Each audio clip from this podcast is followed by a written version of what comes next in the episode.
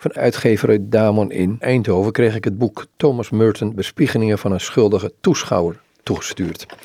Op deze site staat al een interview met Willy Eurlings daarover, maar ik wil er toch een klein citaat eruit halen van Thomas Merton.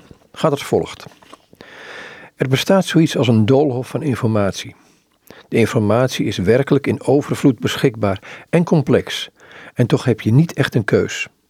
Andere vitale informatie wordt achtergehouden of is niet beschikbaar. Je gaat een doolhof van beschikbare feiten binnen en er is geen rationele weg naar de uitgang.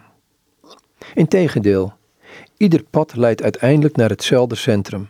Een conclusie waaraan niet te ontkomen valt en die zelfs nog logisch kan zijn ook. Maar ze is vooraf bepaald door de selectie van bepaalde feiten en het bewust buiten beschouwing laten van andere feiten. Zo schenkt rationele propaganda het leven aan een irrationele situatie en blijft voor alles propaganda. Dat wil zeggen dat een sociale macht innerlijk bezit neemt van het individu, waarmee het individu opgeeft om over zichzelf te beschikken. Dat is een citaat van Jacques Ellul. Wat echt gewelddadig is in propaganda is dit. Door middel van schijnbare waarheid en schijnbare redelijkheid verleidt ze ons om onze vrijheid en zelfbeschikking op te geven. Ze bepaalt vooraf welke conclusies we trekken en doet het op zo'n manier dat we ons verbeelden dat we vanuit ons eigen oordeel en door ons eigen denkwerk helemaal vrij tot die conclusies gekomen zijn. Propaganda neemt de besluiten voor ons maar op zo'n manier dat het niet het gevoel van trots en voldoening aantast van mensen die zelf tot een besluit gekomen zijn.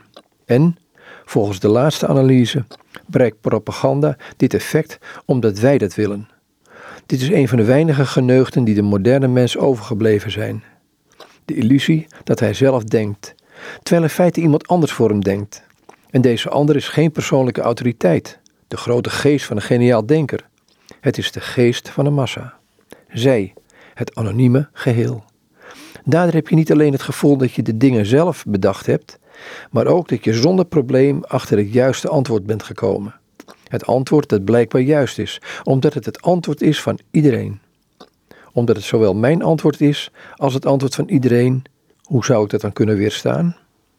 Al dus Thomas Merton in zijn boek Bespiegelingen van een schuldige toeschouwer. Het boek is uitgegeven bij uitgever Damon in Eindhoven.